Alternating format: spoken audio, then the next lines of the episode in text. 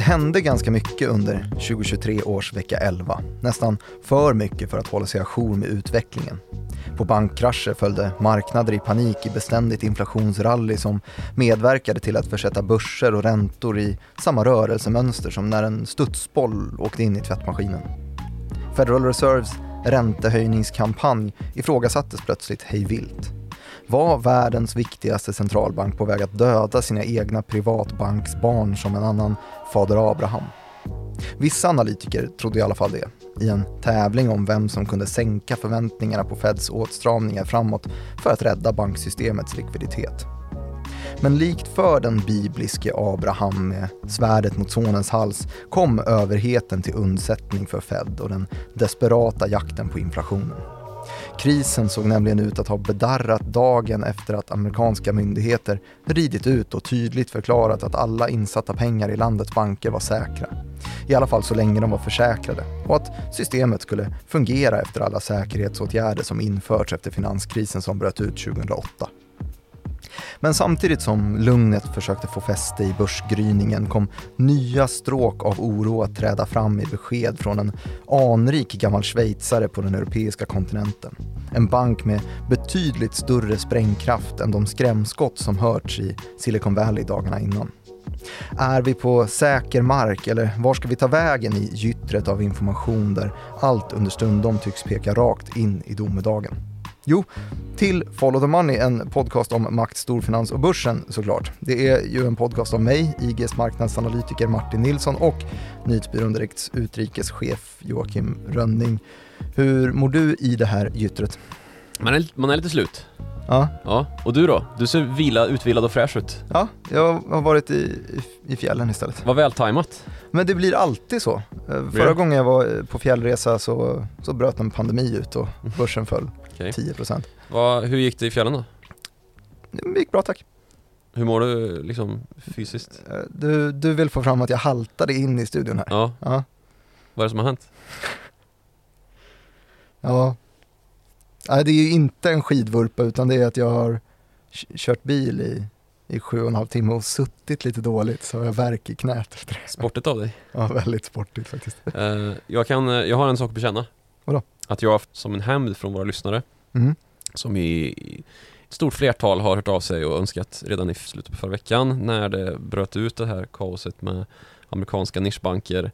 Mm. Att det här är ju perfekt, nu kommer Follow the Money med ett extra insatt avsnitt. Och jag var på, Ja, men det var inte du. nej för det var ju just då jag satt och, och förstörde knät i Precis. bilkörning. Så det som hände då var ju att jag stack en nål i en sån här voodoo-docka naturligtvis, Ja, det är i klart. knät. Ja. Tänkte, jag väntar tills han, han åkt skidor klart. Ja, det var schysst i alla fall. Sån är jag. Historien om, om Silicon Valley Bank då? Ja, den har det skrivits en del om nu.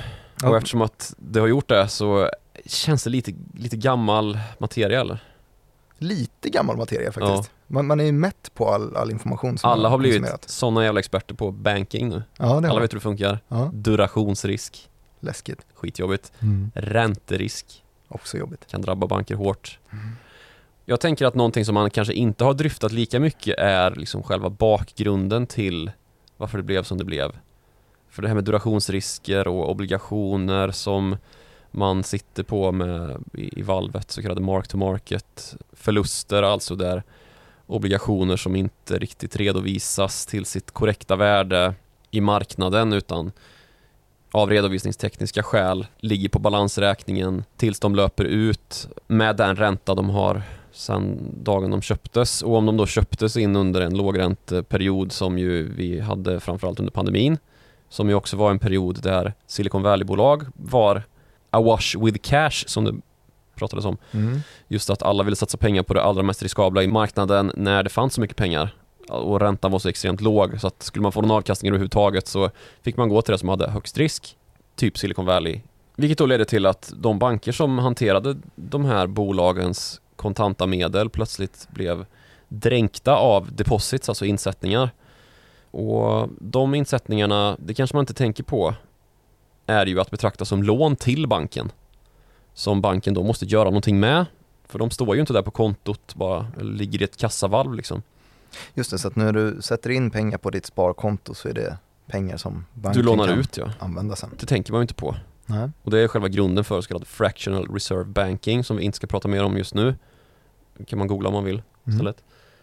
Men det utgör då bankens tillgång och den omsätts då i en längre obligation. Och när den längre obligationen har köpts in så ligger den där. Och för att man ska komma undan den här redovisningstekniska grejen med att eh, sitta med tillgångar som skiftar i värde hela tiden så har man då en så kallad held to maturity säkerhet som de här obligationerna då är att betrakta som. Mm. Men med det följer ju också då att man är inte lika stadig kassa om det skulle bränna till. För att man då har lovat att man ska ju hålla den här tills den mognar, alltså löses in. Så du menar om, om folk väljer att ta ut sina pengar? Ja, precis. Har man då fort. plötsligt fått in en enorm svallvåg av pengar som ju fanns i Silicon Valley under pandemin när alla ville investera där och bestämmer sig för att ja men då sätter vi allt det här i de här såna här långa held to maturity obligationer, tioåriga kanske.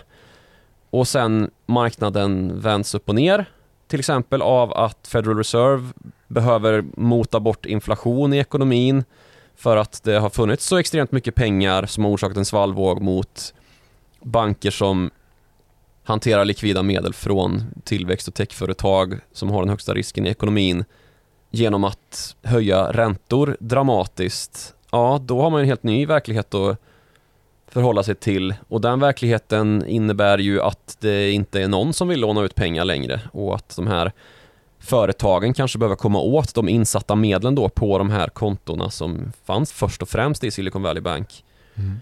Och där har vi ju roten till problemet då. Och det här är någonting som upptäcktes av Silicon Valley Banks ledning av allt att döma för ungefär två månader sedan. Ja, om man ska vara lite cynisk i alla fall och det ska man nog faktiskt Det ska man låta sig fan vara. vara. Här. För då, då säljer väl, eh, ja, kanske CFO var det väl som var först ut med att sälja en betydande del av sitt Ögonfallande aktieinnehav. nog så var det nog det ja. Och sen så såg väl vdn att, hallå du finanschef, du som har koll på siffror, du säljer alltså. Ja men det ska jag nog också göra för det har ju gått ganska bra på sistone. Och sen visade det sig att organisationschefen också satt i det där mötesrummet när man beredde planer eller det kanske var vid kaffeautomaten eller över lunchen. Ja, Fan har du, jag såg att du hade avyttrat lite. skön magkänsla. Gött att vara lite likvid. Ja. Ska, ska du köpa motorcykel? Ja. Nej. Resa till Aspen. Det går åt helvete bara, sa de med ögonen och sen så sa de Nej men jag tänkte att det har ju gått så himla bra på sistone så att det är väl läge. Realisera lite. Realisera lite vinst ja. Ja. Och så med de här insynsförsäljningarna då som man kan konstatera gjordes likt när en darrande hand placerar ut en liten dominobricka som plötsligt välter och fäller en större dominobricka som välter en ännu större och plötsligt så var först och främst den egna banken hotad men inte bara utan också då hela banksystemet i USA vad det verkade att döma av marknadsreaktioner i alla fall. Men du, när, när man säljer sådär ändå, då har man ju ändå alltid någon form av köpare. Ah, så funkar ju Du ville transaktionsmarknaden. komma dit. Ja, Vem var det som stod och gapade hungrigt efter att få äta ja Silicon det? Valley Bank-aktier? Öppen mun och saliv rann längs Alectas haka där. När de, Ville köpa amerikanska nischbanker helt plötsligt. ja, det Ja. ville de. Äh, Det inte Efter att man hade sålt Handelsbanken ja. Yes och Swedbank. Mm. Två av de tråkigaste bankerna i universumet. Så köper de lite mer edgiga saker Ja. istället. De trodde att de var TIN-fonder eller något. Mm. Ja.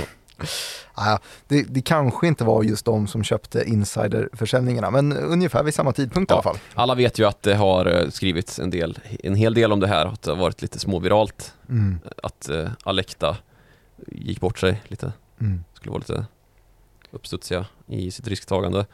Åkte till Silicon Valley när räntan hade fyrfaldigats på något år och Silicon Valley kraschat och tänkte att det här är köpläge. Nej men eh, Alecta köpte i alla fall.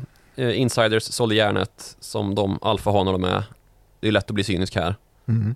och kalla dem alfahanar som jag just gjorde. Ja, men det får de vara. Ja, det är lite Wolf of Wall Street feeling på dem. Mm. Hatar den filmen. Ja, men resten av deras aktier, om de inte lyckades sälja av allt, blev ju i alla fall ganska värdelöst. Mm. Helt värdelöst till och med. Mm. För det är ju ingenting som kommer uh, gengäldas av staten det här. Nej, de har ju eh, räddat då alltså insättarna, men Ja. ingenting annat i princip. Precis. Och tillbaka till det mer akuta händelseskedet då så utbryter ju en uttagsstormning som jag gillar att kalla det, utan att någon annan gör det. Mm. Du brukar kalla det för bankrun. Ja, Och den utlöses ju då i samband med att det kommer fram att eh, Silicon Valley Bank har gjort i ordning ett prospekt för att sälja en portfölj av eh, obligationer med lång löptid till ett värde av typ 20 miljarder dollar. Mm. Exakt, och det här handlar ju då om att man vill få till lite likvida medel. Man Ja. sitter fast i de här långa löptiderna. Det verkar som att det är någonting i görningen här. Varför behöver de sälja en massa långa obligationer? Ja, och varför gör de det till förlust också? Man gör ju det här till en ordentlig rabatt. Superrabatt som eh, Goldman Sachs Ja. tycker, okej då, det här kan vi väl eh, svälja. De, de blir kanske vinnarna på den här transaktionen. Jag vet inte. Får vi Men- se. Ja, det beror ju på ränteutvecklingen också. Men här börjar det spridas rykten då. Osa Katt, vad håller de på med? Är de inte likvida? Har de eh, insolvens på G? Alltså slut på, på kassa i valvet? Mm. För det här är ju inte värdelösa tillgångar ska man minnas. De här långa obligationerna, de väntar ju bara på att få sin löptid utrunnen så att man kan kvittera in dem mot pengar igen. Problemet är ju bara att de avkastar så dåligt i eh, form av en lägre ränta än vad du kan hitta om du köper samma obligation idag som är liksom fyra gånger högre än vad räntan på de här tillgångarna som Silicon Valley Bank sitter med då har. Så att helt enkelt nettot mellan inlåningen som den här banken måste göra för att gengälda sina kunder som vill ta ut sina pengar som ju står på deras konton ju och som de har rätt till. Det blir en ganska stor nettoförlustaffär. Mm. Kan man tänka sig, fan, går inte det här att hedga bort? Jo, det, det kan man absolut göra, men vill man ha maximal avkastning så, Just det. så kan man Och dessutom så är. Silicon Valley Bank ganska så känd just för att man har en så extremt eh, stark supportverksamhet. Väldigt eh, frikostiga mot sina kunder och sådär som Silicon Valley i största allmänhet. Just det, man tror att Softa, sköna, high-fivar i möten high och five. känner att man är, man är någonting tillsammans. Sina startup-kunder och Och så tar man Adderall för att orka jobba mot drömmen om att få bli odödlig och resa till rymden i en egenbyggd rymdfarkost som Jeff Bezos eller Elon Musk. det var du som drog in droger i det hela. Jag är utanför det. Jag med. Men eh, hur utvecklade sig det här för kunderna då, kan man fråga sig? Ja, men jag tänkte att jag skulle ge lite färg till historien just för att vi inte skulle landa så mycket i det tekniska som vi ändå har landat i lite grann Ja, nu. det var faktiskt dåligt av mig att påstå något annat, att Ja. vi inte skulle hamna där. Det gör man ju såklart. Men det finns en flitig kund till den här banken som har eh, publicerat en redogörelse för hur hans två dygn såg ut i Mhm. samband med att det här skedde då eh, förra veckan, torsdag. Han heter eh, Alexander Tornegra och är eh, entreprenör, får man Mm. väl säga. Och jag kommer rakt av läsa hans vittnesmål nu. Trevligt. Ja. Har du översatt det själv? Ja, det har jag gjort. Jag har Luta läst det. tillbaka. Fast bara på engelska? Okej. Kommer du Det komma jag in och stoppa mig då? Ja. Kanske. Jag kan ha kryddat den också, men det säger Hoppas jag inte. det. Han skriver då alltså att Silicon Valley Bank var huvudbanken för två av våra bolag, mitt privata sparande och mitt bolån. Och så här gick det till för oss. Torsdag klockan nio på morgonen. I en chatt med drygt 200 techbolagsgrundare dyker frågor upp om Silicon Valley Bank. Klockan 10. Några i chatten föreslår att ta ut pengar från banken bara för, för säkerhets skull. 10.50. Jag läser meddelandena i chatten under en, en toapaus jag är på ett möte. Men jag kommer tillbaka och, och avbryter mötet direkt. Ringer istället min fru Tanja för att transferera hela vårt privata sparande till andra banker. Därefter ringer jag upp ledningsgrupperna på mina företag och ber dem göra samma sak. En av de här personerna eh, låg i tandläkarstolen när jag ringde men fick rent av avbryta och bara springa hem och ordna. Paus. Här har det ju hänt någonting. Någon har ju fått nys om att det är någonting som börjar likna obestånd som är på G i Silicon Valley Bank. Just det, för det här är ju riktigt tidigt på torsdagsmorgonen. Då Ja. har inte nyheten spritt sig än. Men Nej. han är ju då precis där det händer. Han Mm. har eh, tentaklerna ute i rätt chattar och märker att någonting händer i Silicon Valley Bank. En sån grej som har hänt är att en man som vi har pratat om tidigare i det här, eh, den här podden som heter Peter Thiel har varit ute och vevat. Mhm. Han har då i en liknande chattgrupp skrivit, han är ju då finansiär riskkapitalist i Silicon Valley och om man vill höra mer om honom så kan man lyssna på vårt 129 avsnitt om libertarianer och nyttiga kryptoidioter och Sam Bankman-Frieds polyamorösa amfetaministälskare. Droger igen har jag. Ja, Mm. det blir det. Ett bra avsnitt. Det som eh, Peter Thiel har gjort då är att gå ut och varna sina bolag för den här banken, som ju alla har, och säga flytta era pengar så snabbt det bara går, för det här är insolvens på gång. Mm. Så fly hals över huvud och där börjar uttagsstormningen. Och det är det då som den här eh, Alexander Tornegra läser i chatten klockan Ja, 10.50. tänkbart att han antingen är med i den gruppen, att det är den han pratar om här, eller att någon av dem i gruppen är med också i den Peter Thiels grupp då. Det är ju sannolikt att det sprider sig ganska snart. Men då Ja. skickar han i alla fall eh, sina medarbetare, ledningsgrupperna, eh, hem från tandläkarstolen för att ta ut pengar från banken fort. Eh, spola fram till 10 över 11 så skriver Alexander, vi kan inte få ut pengar från något av kontona. För vårt privata sparande har vi inga andra bankkonton redo att skicka till. För ett av våra bolag möter vi en massa spärrar. Vi har inte tillstånd att flytta så stora summor så vi kan bara få ut hälften.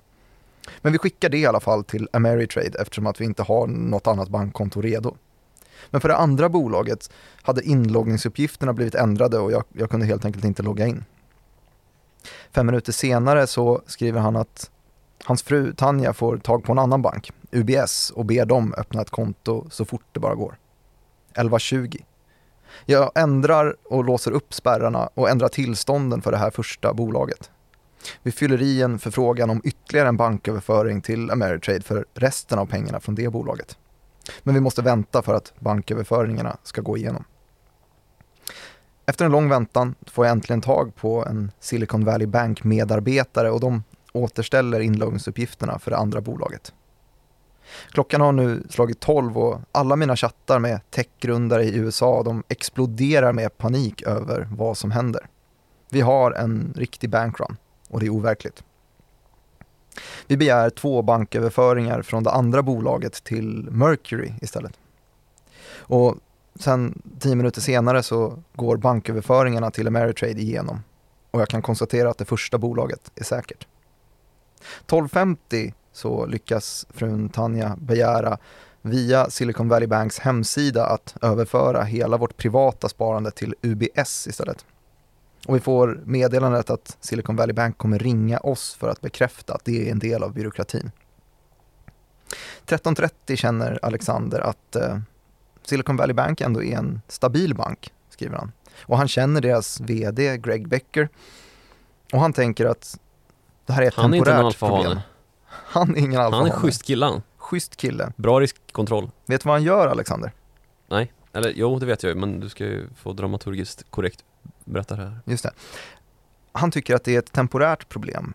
Att människor har panik just nu och att de kommer återhämta sig. Han skriver, jag köper aktier i SVB till vad jag tycker är en rejäl rabatt. Vrakpris. Vrakpris. Vrakpris. 14.09.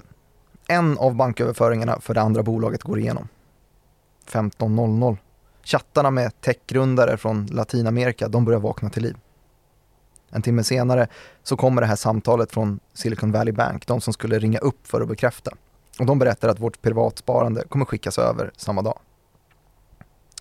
16.10 så hoppar Alexander på ett plan tillbaka till San Francisco och det tar några timmar innan han landar. Det framgår inte riktigt varifrån han flyger. 23.50 har han i alla fall klivit av planet igen. Och då ser han att varken andra överföringen för andra bolaget eller överföringen av det privata sparandet har gått igenom. Han tänker inte mer på det och går och lägger sig. Det är nog lugnt. Fredag 07 vaknar Alexander upp. Ser att det är fortfarande ingenting på kontot och noterar att Silicon Valley Bank-aktien är ner 60% över natten. 7.30 så ställer han in alla dagens möten för att fokusera på problemet. Och han blir ganska snabbt varse att Silicon Valley Bank nu kontrolleras av staten. Att aktierna han köpte dagen innan är värdelösa. Klockan 9.00 har han en stor punkt. Vet du vad det står? Leka med barnen. Ångest, står det. Fan också. Det Sen så före. drar det hela vägen till 16.00 att han lär sig att bara en del av det privata sparandet är säkert. Han skriver att vi kanske får tillbaka det mesta, men det kan ta år. 17.00 skriver Alexander. Jag leker med barnen. De hjälper mig glömma det materialistiska i världen. Lökigt skrivet av en tech-entreprenör-VD som vill till rymden och vara odödlig. Men det här är ju ändå en, en, beskrivning av hur det kan gå till för någon som då var ganska tidig på det här mm. problemet. Mm. Så han är väl en av få som då fick ut en del pengar mm. av det här. Han lyckades säkra ena företaget, men det privata sparandet fick han inte riktigt ut allt på en gång. Eh, och det andra företaget vet jag inte riktigt hur det gick för. Eh, och sen så använde han väl en del av det privata sparandet för att köpa Silicon Valley Bank-aktier, vilket var ett misstag. Mm. Och därifrån så följde ju de här myndighetsåtgärderna. Federal Reserve rider ut med likviditet, amerikanska finansinspektionen och bankförsäkringsbolaget gör åtgärder som ju slutar med att banken sätts under statlig förvaltning. Mm. Och finansminister Janet Yellen använder också sina medel för att liksom bergfästa att det här är lugnt. Mm. Banksystemet är i sin ordning. Det här som har hänt är begränsat. Vi har Dodd-Frank-lagen som den heter, som då infördes efter finanskrisen 2008-2009 som har stärkt upp det finansiella systemet och framförallt bankerna. Joe Biden säger samma sak. Det är inte en bailout lägger man jättemycket fokus på och det handlar ju om att man inte vill liksom ge sken av att man räddar några bankchefer och överrisktagande investerare. Nej just det, de skriver att det här är kapitalism. De ja, vi räddar precis. är insättningarna och försöker vara supertydlig och stringent i att de som har investerat pengar i det här, de räddar vi inte. Inte några obligationsägare, inte några aktieägare. Det är bara de insättande kunderna som kommer få hjälp av oss. Mm. Och det här ordet bailout, att man inte vill använda det eller att någon överhuvudtaget ska använda det, det är ju en liksom, politisk risk i det. Att man ska göra sig till folkets fiende för att man räddar Wall Street igen som man gjorde 2008-2009. Med skattepengarna? Med skattepengar, ja precis. Så inte en enda skattedollar skulle gå dit och ja, det är ju tveksamt om man kan säga det fullt ut. Men man ska också veta att det som räddar de här bankerna först och främst, eller rättare sagt insättningarna i de här bankerna först och främst är ju en fond då som har betalats av bankerna just för en sån här händelse. Eh, så det är liksom insättningar som kommer från bankerna men Samtidigt så är det ju mycket likviditet då som måste gå hit från kassakistor som hade kunnat komma till bättre nytta någon annanstans. Mm. Det är ju alternativkostnader här som man bör väga in i ekvationen. Så det är klart att det inte är till skattebetalarnas maximala avkastning när det blir så här oavsett vilket. Liksom. Mm. Men där kanske vi kan lämna den debatten om bailout-lingvistiken för jag tycker den är ganska trökig. Ärligt mm. Jo, eh, men någonting som är värt att nämna i alla fall där när finansminister Janet Yellen pratar och likaså president Joe Biden är ju att marknaden inte riktigt tror på dem. Mm. När Joe Biden eh, tar plats i tv-rutan så ses det snarare som en oj, var det så här illa? Var det så illa att presidenten måste gå ut och tala om hur lugnt allting är? Mm. Då är det illa. Eh, för att man ser det på marknaderna då att eh, räntebaneförändringarna är ganska drastiska. Alltså, vi har ju haft en period av inflation nu, ett år ungefär, där det har stegat iväg ordentligt. Och eh, Federal Reserve har närmat sig en räntetopp, man har ju höjt räntan för att jaga ikapp inflationen. Och eh, hade förväntat sig att det är ytterligare några höjningar kvar innan vi är helt klara med det här. Men de förväntningarna vändes på ganska omedelbart. Alltså från att konsensus var att man höjer 25 eller kanske 50 punkter till och med vid eh, Fed-mötet den 22 mars så timmar efter att det här var avklarat så hade den räntebanan skiftat till att det var vissa som trodde på räntesänkning till och med. Ja, eller en var det väl. Nomura ja. Bank, Japan. Det är ju, det blir, jag, jag, jag tycker den här är intressant rent sociologiskt, eller, men inte så intressant rent faktiskt. Nej, eh, jag det... tror att Nomura Bank själva inte tror på att det skulle bli Nej, det var bara så ja snabbt ut med en analys om att det kanske sänks nu så får vi rubriker ungefär och renommé åt vårt analyshus. Ja. Lite så känns det. Men faktum är ju ändå, även om de var mest extrema åt prognoshållet med sänkning redan 22 mars så eh, har ju hela räntebanan skiftats ja, och man trodde kanske att det blir en höjning till och sen rejäla sänkningar redan det här året. Mm. Det var sänkningar som prisades in redan i junimötet. Um, och sen fortsatta sänkningar vid varje möte tills vi var tillbaka nere på noll i princip prisades in. Eh, det har kommit tillbaka lite grann igen mm. Eh, efter att det har lugnat sig. Det var en överreaktion på räntemarknaderna kan man väl tycka. Så då blir min fråga då om det är, är det över nu? Alltså det är väl över så tillvida att det inte blev en spridd finanskris av att några nischbanker började kollapsa. För det följdes ju då av att även Signature Bank, en New York-baserad bank som har haft en massa kryptofadäser för sig, också gick omkull. Och det hela började ju faktiskt redan innan Silicon Valley Bank där Silvergate Bank gick under, en annan kryptobank. Mm. Så det här visade sig kanske inte vara den här lilla dominobrickan som välter en större i egentlig mening. Men därmed inte sagt att det här inte är liksom en spricka i en fog som är uppbärande av någonting mycket större i det då att vi har haft en så extremt snabb styrränteuppgång det senaste året som ju väldigt många har pratat om som en kampanj där Federal Reserve har bestämt sig för att liksom raise rates until something breaks. Just det, man vill se att hela systemet knakar innan man lättar på, ja. på gasen. Det är en raplåt som, som vi har kört här inne till exempel. Ja, jag vet att du ville att vi skulle ha sjunga tillsammans, men vi gör inte det. Race rates until something, det rimmar fan inte ens. Men.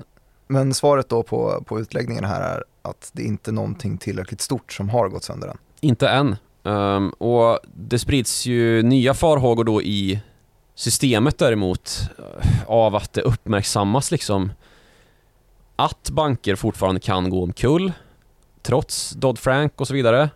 Och då är någonting man ska veta att Dodd-Frank typ inte gäller för sådana här banker. Nej, det är väl det som är hela nyckeln i mm. det hela, att eh, man glömde bort 2008.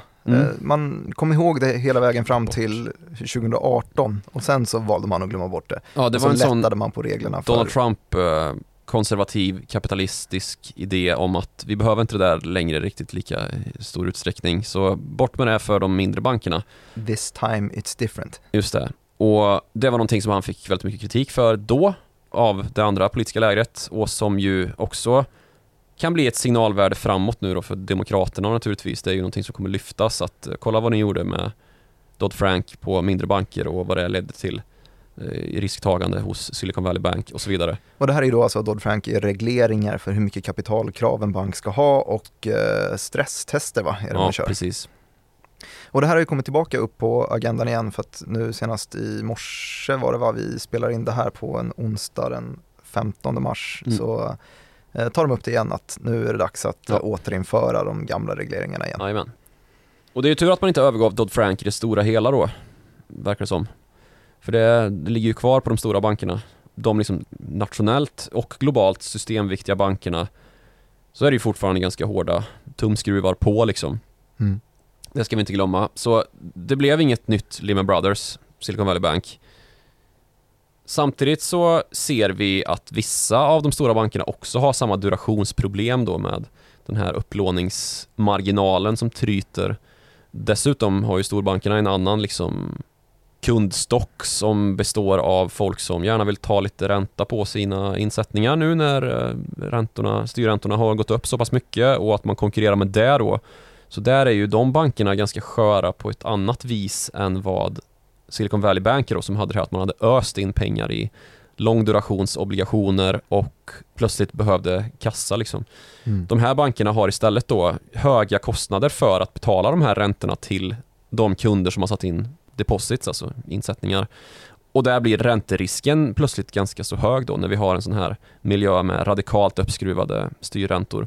Och det är någonting som sticker ut kanske i utlandet framförallt, ja. inte i Sverige där vi har lite annan kultur vad gäller räntebindningstider och så vidare. Det är ju jättemycket kulturskillnader i det här, alltså rent legala och kulturella skillnader i hur det ser ut. Eh, vi kan väl komma lite in på Sverige om en stund, för jag tänkte vi skulle ta vägen förbi Europa när vi då har konstaterat att visst, det finns några banker i USA som har durationsrisker. Wells Fargo och Bank of America är de främsta. Men sen så har vi ju när vi sitter här en jävla blodbad i europeiska storbanker på, mm. på börserna runt omkring. Eh, värst är det väl i, i Schweiz? Ja, ja, som alltid känns det som. läser vi att eh, Credit Suisse är ner. Ja, medan vi gjorde det här avsnittet, vi brukar ju eh, kladda på en, en whiteboardtavla, Ja. göra en liten tankekarta, vad, vad är det vi ska prata Jag om? äter Dime som vi gjorde idag. Ja, gud, 10 vad kilo mycket. Dime. Ja, det var väldigt mycket Jag känner att jag börjar få lite lågt blodsocker nu. Jag måste ha mer. Ja, kanske. Jag, jag hämtar snart. Jag har en diabetes. Novo Nordisk. Kan man gå lång. Ja, de har ju sänkt priserna nu. Har på insulin. 75% i USA. Väldigt bra. Jag vet, tror att de ligger kvar här i Sverige bara. Ja. Får ta sån här Wegovy, deras uh, tjockispreparat. Ja. Ja. Det. Sidospår. Credit Suisse var ner 25% när de här orden uttalades. Ja, och på whiteboardtavlan fick vi ju sudda ut flera Ja. gånger. Du skrev först minus 9, sen skrev du minus 15 och sen skrev du minus 21. Ja, nu kan jag skriva minus 25 då. Jag Ja. har grafen framför mig här och klockan är 13.41 onsdag den 15 mars 2023. Ja. Det går bra nu. Mm, och någonting som går åt andra hållet är ju såklart eh, CDS-erna är någonting som man har pratat ganska mycket om i fallet Credit Suisse och CDS är då alltså en konkursförsäkring kan man väl säga. Ja. Så priset för att försäkra sig mot konkurs i Credit Suisse just nu är jätte, jättedyrt. För Mm. sannolikheten är Så eh, hög att det kommer gå i konkurs enligt marknaden. enligt marknaden. De ser inte mer in i kristallkulor än någon annan, men det ser inget bra ut. Nej, men varför är det så att Credit Suisse plötsligt rasar? Det har väl Ja men det är ju skandal. Det, det är ju så de jobbar på Credit Suisse, med skandaler. Mm. Och det senaste är ju att eh, banken då inte lyckades släppa sin årsredovisning som planerat. På grund av då att man hade upptäckt att Fan vi har rapporterat lite konstigt här och vi har Redovisningsstandarden hos oss har varit undermålig. Inte så lite heller. Så vi får nog ta och titta en extra gång på det här och när det här proklameras då ringer amerikanska finansinspektionen SEC och säger ni får nog komma hit så vi får eh, prata lite om det här. Mm. Och då senare lägger man helt enkelt eh, årsrapportens eh, publicering. Mm. För att SEC vill säkerställa att det här blir rätt nu. Och då blir det ju reaktion i marknaden såklart, några procent ner. Men sen när den här rapporten till slut släpps då på tisdagen den 14 mars så konstaterar man just detta då eh, för marknaden att vår redovisningspraxis har varit klart undermålig. Nu har det inte lett till att vi har gjort några revideringar i våra gamla bokslut men det har i alla fall varit en, en risk för att det här hade kunnat gå åt pipan liksom. Ett helt konstigt tillkännagivande där man inte erkänner att man har gjort några fel men att man typ skulle ha kunnat gjort stora fel. Så det är hela processerna i Mm. redovisningsmetodiken som gör att man har kunnat eh, ta på sig mer risk kanske. Risken har ju helt enkelt varit högre än vad man har önskat. Ja, Metoden har man har brustit. Man har inte behövt revidera någonting. Nej, man har inte man har reviderat inte hittat något än, Nej. men det kan komma. Nej, jag tror inte det. Eller det kan det väl alltid göra, men utifrån det man redovisar nu då så, så är det inga revideringar på gång. Och revisorerna från extern part, alltså PWC är det som har varit inne här, redovisningskonsulten, och de har ju satt sitt mark på det här också och sagt att nu ser det bra ut. Nu ser det bra ut. Eller ja, nu, nu ser det realistiskt dåligt ut. Ja, precis. För det är ju just det det gör eh, i Credit Suisse. Ja, det gör det. För att det här var ju igår eh, Ja. och idag så är vi ju ner 25%. Ja, mm, idag kom ju nya nyheter eh, av det svagare slaget och det är då att huvudägaren i Credit Suisse som precis har tagit position, Mm. Saudi National Bank, Mm. har då låtit förkunna att man inte tänker ge den här banken något mer stöd. Alltså man kommer inte utöka sin position, man kommer inte fylla kassan något mer än vad man redan har gjort. Och, Så, så Saudi som då lever för att köpa sig så mycket inflytande det bara går i västvärlden tycker att Credit Suisse är lite för sunkigt för att äga för stor del i. Tolkar jag det rätt då? Alltså det är inte det man säger egentligen. Jag tycker att det här kanske vantolkats lite grann. Man vill tolka åt det hållet. Ja, det är lätt hänt. Men alltså det här är då en investerare som har kommit in och tagit en position under 10% just för att det medföljer lite mindre rapporteringsförpliktelser än att ta just 10% eller mer och göra sig till en så stor storägare kan man säga. Mm. Men att de säger det är ju direkt osmart eftersom att den här banken kanske behöver anskaffa kapital i framtiden och när man sänker aktien på det här viset då, nu är den ner 29% förresten, så sänker man ju direkt värdet på sin egen tillgång genom att indirekt såga den liksom. För det som Saudiarabiens företrädare pratade om var ju inte liksom det här är en kassbank, vi tänker inte hjälpa dem mer utan just den här administrativa delen av att vara storägare. Mm. Ja, man skulle ju heller aldrig säga vi vill inte äga mer för att det är en kassbank. Nej. Det är ju Men det är så marknaden tolkar det och Ja. fair enough, det är det ju. Det är en kassbank. Mm. Det har man ju bevisat hur många gånger som helst med alla skandaler man har varit involverade i och hur dessa då har lett till en svagare lönsamhet, kundutflöde och en massa uttalanden som har varit i stil med nu har vi stoppat utflödet men när man inte har gjort det, det har inletts utredningar mot bankens ordförande som för övrigt heter Axel Lehman. Just det, Ja, Lehman heter han ju men ja, som i Lehman Brothers kollapsen 2008. just det. Inte släkt. Och det verkar inte som att man kan luta sig tillbaka då särskilt mycket mot den här omstruktureringen som skulle göras i Credit Suisse. Som var anledningen till att man gjorde en kapitalanskaffning där Saudi National Bank kom in. Där man då tog in 4 miljarder dollar motsvarande. Det verkar inte som att man använder de pengarna på riktigt rätt sätt. Eh, man har gjort en massa omställning då i banken men sen när det kommer till viktiga beslut som hur man ska tjäna pengar och liksom komma tillbaka på banan igen så ifrågasätts det också. Bland annat så publicerades då uppgifter om att man har ett, ett erbjudande för kunderna då som är klart bättre vad det gäller insatt kapital, alltså vad var det, typ 6,5% ränta där andra banker har flera procentenheter lägre då. Någonting som då tolkas som att Credit Suisse måste sänka sina egna marginaler för att överhuvudtaget hålla kvar några kunder som ju börjar fundera på om det här överhuvudtaget är en bank man kan räkna med på längre sikt. Just det, och då Och så man själv presenterar de det som då ett, ett försök att man ska locka kunder.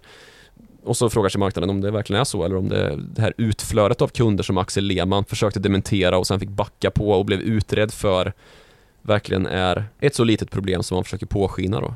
Så det blir en, en ond spiral här. Man måste betala mer för att kunna hålla kvar kunder och då blir man en mindre lönsam bank Ja. och då måste man betala ännu mer för att kunderna ska känna sig trygga med att ha sina pengar i just banken. Ja, lite som med risken att en eh, lågkonjunktur börjar föda sig själv genom att arbetslösheten stiger, konsumtionen blir mindre, företag får säga upp ännu fler, konsumtionen blir ännu mindre. Eh, lite den eh, vändan fast i bankvärlden. Den spiralen har vi ju gått igenom Mm. några gånger. Ja.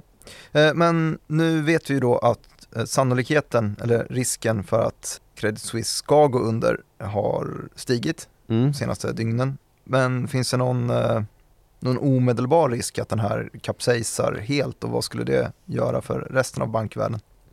Alltså det här är ju en bank som närmar sig nästa krisskede i alla fall med stormsteg hela tiden. Och det kan nog lösa sig fortfarande, även om det inte ser ut så på aktiekursen. För det, det här har ju blivit en bank som är ganska oavhängig sin aktiekurs. De har precis tagit in 4 miljarder dollar i rörelsekapital för den här omstruktureringen som är i full gång. Man har knoppat av och sålt delar av banken. Att dess nyblivna största ägare då går ut med det här att man inte tänker kasta in mer pengar, det kan ju konstateras då vara jävligt klantigt. Men samtidigt så borde det inte vara så förvånande egentligen. Problemet är ju då, precis som vad det gäller i USA, att den här sprickan som har uppstått i systemets, inte faktiska uppbyggnad, utan snarare trovärdighet kan bli till en spricka i den fysiska strukturen av banker. Liksom. Mm. Alltså att det inte ser seriöst ut att en av Europas systemviktiga banker rasar 20% per dag. Liksom. Mm. Och där går ju också den operativa risken upp. Och då pratar vi inte bara om Credit Suisse egna kunder utan om banksystemet i sin helhet eftersom att det här är liksom en globalt systemviktig bank som är att betrakta som too big to fail. Mm. Och det i sig talar för att det kommer lösa sig. Världen har helt enkelt inte råd att låta Credit Suisse falla. Nej, precis. Alltså Silicon Valley Bank, den banken var enough small to fail kan man säga. Så pass liten att den inte ens behövde regleringar. Ja, sektorinriktad och illa skött liksom.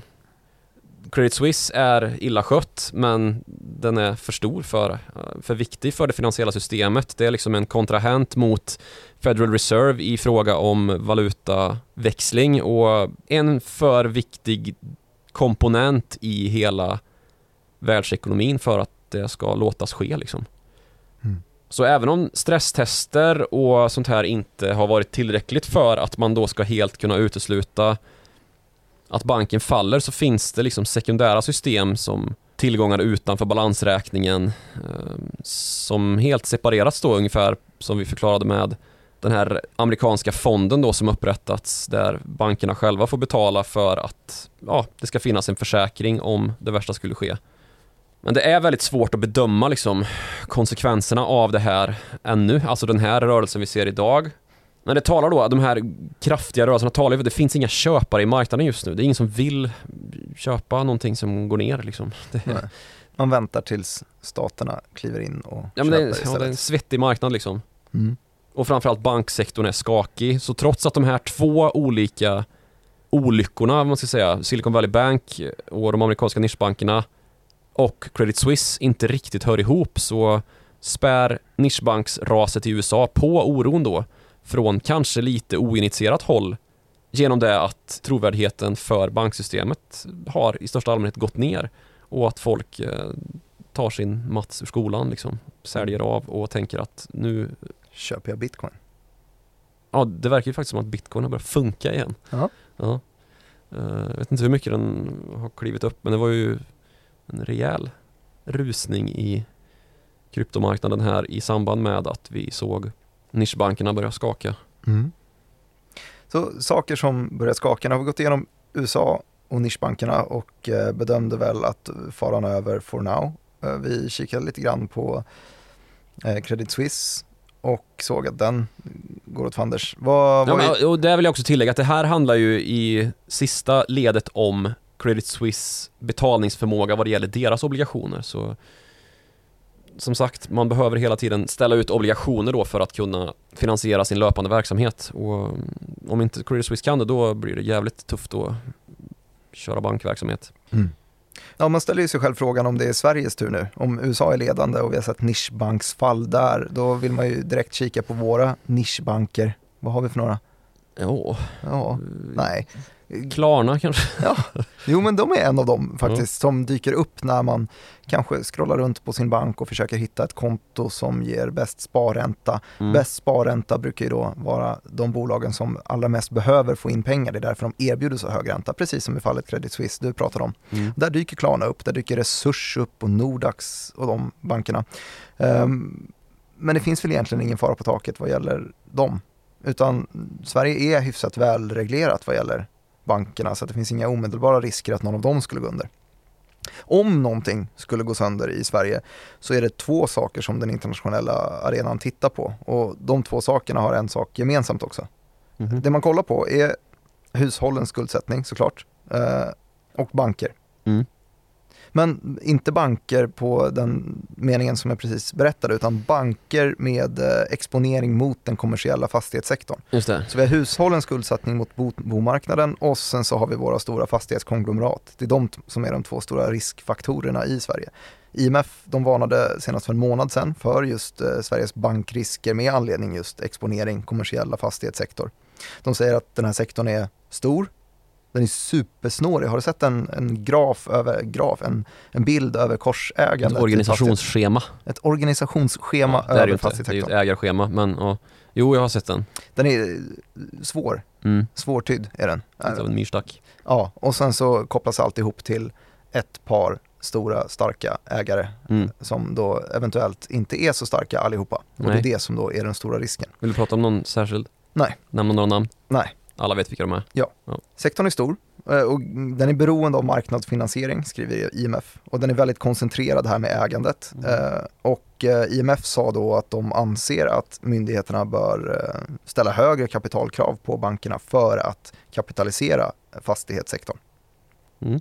Det är gött nu när det är så bra räntor. Så att om det skakar i Sverige så är det snarare fastigheter än, än banker. Mm. Och Om man ska tro på IMF i alla indirekt. fall. Ja.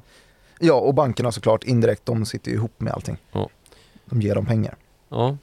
Så nu har vi sagt det och då kan vi bli de här Captain Hindsight. Aha, vad ska vi hindsight om? Ja men alla visste ju att det skulle bli så här med de amerikanska nischbankerna, säger ju alla nu. Ja. Framförallt vd och CFO. ja, men jag kommer på mig själv också och liksom flera gånger när jag har kommenterat runt det här att det verkar så jävla självklart att det skulle bli så här. I just den banken dessutom, Silicon Valley Bank. Ehm, ja. Och då kan man fråga sig varför blev inte jag Michael Burry of Silicon Valley Bank? Ja, varför varnade du inte Alecta? Våra Precis. pensionspengar Eh, Michael Burry som tjänade pengar på att eh, blanka amerikansk bomarknad. innan 2008-krisen. Ja. Yes. Som utlöstes av subprime-lånebubblan. Ja. Ja, för nu, det verkar ju som att det hade varit så jävla enkelt att bara syna och säga upp sig, ta lån på allt eh, man äger och har och blanka ihjäl sig Mm. på de stora svenska kommersiella fastighetsbolagen då. Det, det gör ju folk. SBB har väl seglat upp som den mest blankade aktien på Stockholmsbörsen. gick om Mips här häromdagen Okej, bara. Mips alltså. Mm. Nej, jag vet inte vad jag vill komma fram till men det är lite, man känner sig lite som de här uh, kreditvärderingsföretagen eller som de själva gillar att kalla sig, kreditvärderingsinstituten. Mm. Moody's och S&P och Fitch och de här Mm. som ju inte var så lite bidragande till finanskrisen 2008-2009 när man sa att Nej, men det här är ju skitbra grejer och så var det skit utan bra. Ja, men de har ju en ganska knepig affärsidé. De tar ju Mm. betalt av företagen som de sen sätter ratings på. Precis. Eh, Och då får man ju incitament till att kanske sätta en högre rating. Ja, Annars tar sig. Moody's affären från S&P och vice versa. Just det. Eh, och det som hänt nu då efter bankkrisens eh, utbrott så är det ju att Moody's och S&P och Fitch tävlar om att sätta nisch och regionalbankerna under utvärdering. Mm. Deras kreditbetyg då under utvärdering. Men det var ju ett Vi väldigt sunt kreditbetyg på Silicon Valley Bank dagen innan den föll. Ja, precis. Och så, ja, det är ju i linje med alla de här opportuna analytikerna som utfärdar, nu är det dags för räntesänkningsprognoser liksom. Mm. Sanningen är att ingen visste att det skulle bli så här och vi vet inte hur det kommer bli med den kommersiella fastighetsscenen i Sverige heller. Eller Credit Suisse för den delen. Nej, precis. Men det finns ju och har funnits väldigt många varningsflaggor där ute och risken med det här race rates until something breaks som vi har suttit här i podden och rappat i ganska många avsnitt senaste förra väl Mm. det är ju att vi just nu kan ha lika fel som Federal Reserve hade när man antog att inflationen var övergående, transitory, som man kallade den. Att konsekvenserna av att ha en M2, alltså en penningmängd som vi sett explodera trots att trickle down economics visat sig inte funka och allt kapital bara hamnar på tillgångssidan hos dem med redan stora förmögenheter i form av tillgångar i det finansiella systemet som bara sväller i värde samtidigt som realekonomin står i princip still eftersom att multimiljardärer inte behöver äta särskilt mycket mer eller köpa särskilt mycket fler bilar eller bidra till eh, konsumtionsekonomin på annat vis i större utsträckning än Kalle Kula.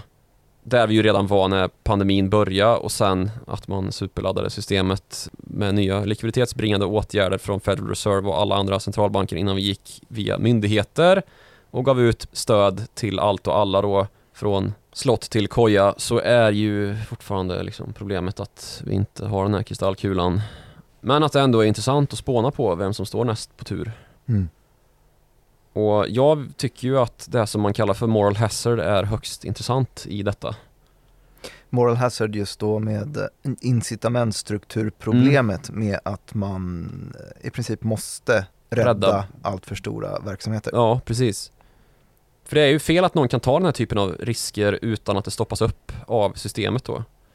Och det mest rimliga försvaret för de här alfahanarna i Silicon Valley Bank som sålde på toppen och sen såg alla andra eh, sälja ner banken till noll.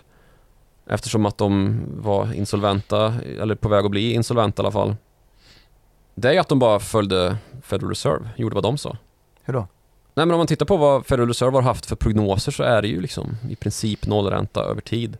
Om man bara går ett par år tillbaka i tiden liksom. Så det finns ju argument att använda då om man vill försvara de här yvigt risktagande personerna i ekonomin genom att bara peka på och förlöjliga centralbankerna och deras ränteprognoser.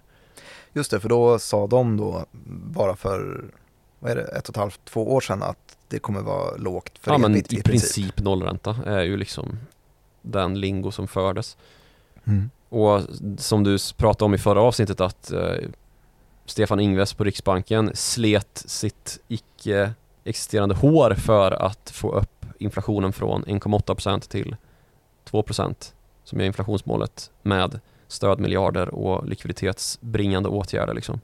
Ja, det är intressant. Jag tittade tillbaks på ett gammalt YouTube-klipp när jag fortfarande jobbade på Direkt och jag intervjuade en, en prognoschef på Handelsbanken, Johan Löv var det. Mm. Eh, en intervju från mitten, slutet på 2021. Han är så jävla snäll han måste jag säga. Han är snäll. Och frågade då, eh, hur ser det ut med räntan? Vad, vad har ni för prognos? När kan den första höjningen ske? Och då minns vi alltså att vi är på nollränta här i slutet av 2021. Det höll ju sig på noll hela vägen fram till våren 2022 innan vi fick första höjningen. Mm. Men då frågade eh, Johan Löv, alltså på Handelsbanken, om eh, vad, vad säger era prognoser? När kommer första höjningen ske? Och han sa att jo, Riksbanken just nu eh, spår ju ingen höjning förrän kanske tidigast 2024 någonstans, slutet på 2024. Men vi tror nog att det kan komma lite tidigare, alltså mitten av 2024 kanske. Och nu har vi kommit halvvägs dit, halvvägs till 2024 och vi har redan en ränta på 3% och eh, spekuleras nu i eh, kanske trippelhöjning vid nästa räntemöte i april.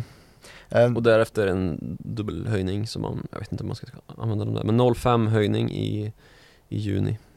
Ja, 05-05 är konsensus. Ja, precis.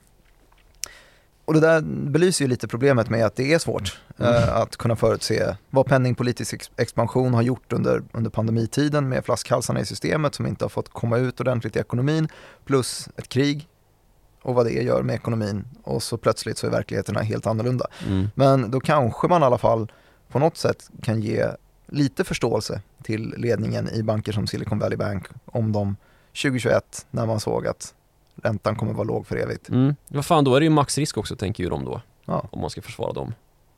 vilket man inte ska. Vilket man inte ska. Men det är alltså moral hazard att folk slutar tro på Federal Reserve och på myndigheter i största allmänhet och ja, reaktionen på stödinsatserna som lanserades då i början av veckan när Silicon Valley Bank hade ja, gått under. Det var ju inte särskilt tillfredsställande om man tittar på börsen i alla fall. För det var ju först några dagar efteråt som börsen återigen började handla upp de här aktierna. Och det är inte faran över om vi ska svara på grundfrågan som inledde det här avsnittet. Mm.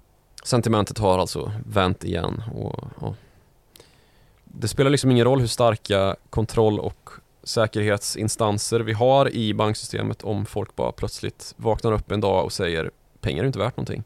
Det är ju faran med inflation och av den anledningen så är det ju extremt viktigt att vi har en miljö där vi kan komma till bukt med den höga inflationen och då måste Federal Reserve och andra centralbanker höja räntan. Men det kan man inte om det står mellan att man ska gå i finanskris och förstöra hela ekonomin eller fortsätta takta inflation en tid till liksom. Ja men valet där är väl ganska solklart ändå att man väljer att få bukt på inflationen, att det är det absolut viktigaste. Det är därför man höjer tills something breaks. Ja precis och till something breaks det är ju när vi får en finanskris. Just det. Um, Och i Sverige där så är vi inte än vi- men om vi nu är på väg dit, det var ju därför marknadsräntorna gick ner i princip för att man såg då att nu kan inte Fed höja längre, nu måste, Nu måste de vända på klackarna och nu måste de vända på klacken och göra lappkastet och börja titta neråt igen. Mm. för att ge likviditet och svängrum i marknaden så att de fungerar igen, att ekonomin fungerar. Ja, och i Sverige så har vi inte ens kommit riktigt lika långt som i USA. Eh, nämnde att de var ledande förut. Där har man ju sett i alla fall att inflationen har toppat och kanske är på väg neråt, att det biter.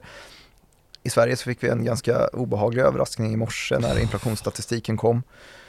Du suckar. Ja, jag tycker det är vidrigt alltså. Ja, det är vidrigt då att eh, inflationen överraskade rejält på uppsidan. Och när man pratar om prognosarbete som vi precis gjorde så är det också ett ganska tydligt exempel på hur svårt det är. I penningpolitiska rapporten, Riksbanken som släppte den i mitten av februari så spådde de att eh, inflationen kommer vara 8,0% vid den här mätpunkten då den 15 mars Mm. och eh, den landade på 9, och det vittnar ju lite grann om hur svårt det är att göra de här prognosarbetena. Vi som har pratat prognoser nu att eh, vid Riksbankens senaste prognos som kom och släpptes i mitten av februari efter den penningpolitiska rapporten så spådde de att eh, KPIF X Energi eh, måttet skulle landa på 8,0 vid den här mätningen som vi har fått i, i morse då den 15 mars. Mm. Den landade ju på 9,3. Ja. 1,3 procentenheter fel låg Mm. de med en dryg månads diff eller någonting. Så det är svårt. Vad gör vi åt det här då? Alltså att vi har så jävla hög inflation och att räntehöjningarna inte biter. Ja, vi kanske får uh, gå lite åt det hökaktiga hållet. Det verkar som att, om vi ska credda Handelsbanken igen, Johan Löv som jag intervjuade 2021, uh, Handelsbanken var ju först ut i, med att vara mest hökaktiga i, i Sverige nu för någon vecka sedan också. Hökaktiga, alltså mest åtstramande i sina prognoser. De tror på 75 punkts höjning vid mötet i april. Mm. Och nu har ju även Danske Bank uh, följt med dem och uh, hoppar med på den linjen, 75 punkters höjning. Mm. Erik Thedéen och Riksbanken är inte i det läget än och man får väl fortfarande säga att konsensus är att det snarare är 50 punkter höjning. Mm. Eh, Thedéen säger mellan 25-50 någonstans och vi vet ju att de inte tar mellan utan det är 25 eller 50. Det skulle vara nydanande om de kör 37,5 den här gången. Så vi får väl bara hålla i oss helt enkelt och ja. hoppas att vi får bukt på inflationen så att vi kan starta om det här någon gång, starta om ekonomin. Ja, kan inte politikerna göra något? Ja men jag hoppas ju det. Ja, vet du en grej som jag lade märke till i morse? Vadå? Det var att uh, det har skett en drastisk förändring i det politiska tänkandet i finansdepartementet. Uh-huh. Att uh, det har talats väldigt mycket om att vi tänker inte göra några sorts liksom propåer mot marknaden för det gnälls ju väldigt mycket på just på framförallt livsmedelspriser. Mm. Att de är så höga och att det är ICA och Coop och Axfood handlare som skor sig och sådär. Kartellen. Kartellen. Och det har politikerna sagt att det där lägger inte vi oss i överhuvudtaget. Och så säger oppositionen, vad fan, ni måste ju agera här. Mm. I morse efter att eh, inflationssiffrorna kablats ut så kallade Elisabeth Svantesson, alltså finansministern, till ett möte med de stora livsmedelskedjorna. Mm. Vad tror hon säger? Sluta! oh, jag vet inte. Ja. Jag sa, ja vi tänker inte intervenera i marknaderna men kan inte komma upp och snacka lite bara? Ja, ja men det är väl rimligt för det var ju Så den det, punkten En fluga som... på väggen där hade inte varit fel va? Nej, eh, det var någonting som stack ut i inflationssiffrorna som kom i morse. Jag tror att eh, livsmedelspriserna är upp 20% eller någonting mm. och det är då mer än vad som kanske skulle kunna vara rimligt. Det är som att man utnyttjar det här läget med att höja priserna lite extra. Mm. Mycket extra kanske. Ja, man gick i handlare ska man väl ha en till Ferrari. Mm. Nej men så kanske det blir så att det, det våras för, för finanspolitiken att det handlar om att eh, göra punktinsatser istället. Man får väl göra det man, man kan. Det går ju precis åt samma håll i, i Japan istället. Där går finanspolitiken ut till företagen och tvingar dem att höja lönerna mer än vad de vill göra. Byråkrati för att hantera den ökade nivån av byråkrati som Oscar Wilde sa. Ja, lite så. Mm. Lite så. Jag vet inte om det är så lyckat. Reglera regleringarna. Mm. Mm. Precis. Som i amerikanska banker. Mm. Där man nu får göra ett omtag med Dodd-Frank och eh, inkorporera de nisch och regionalbanker som står på fallrepet. Får se hur länge vi kommer ihåg det den här gången. Tio år? ja, jag känner mig typ klar där. Jaha. Eh, Men om du kommer på någonting mer så kan du mejla till followthemoney.direkt.se så får du det mejlet och, och jag. Mm. Eh, Vilken dålig idé. Ja, dålig idé. Men kanske någon som lyssnar vill mejla in där någonting. Mm. Man kan också följa oss på Twitter, gör det. Du heter Joakim Ronning, jag heter Martin Nilsson IG. Och eh, IG står i namnet eftersom att det är där jag jobbar och det är där jag också publicerar mina morgonbrev. Man kan prenumerera på dem på ig.se morgonrapport så får man något i mejlkorgen typ klockan sju varje morgon om vad som har hänt under kvällen och vad man ska hålla utkik för under dagen. Ja, under morgonen och dagen. Ja. Mm. Tack för att ni lyssnat. Vi hörs.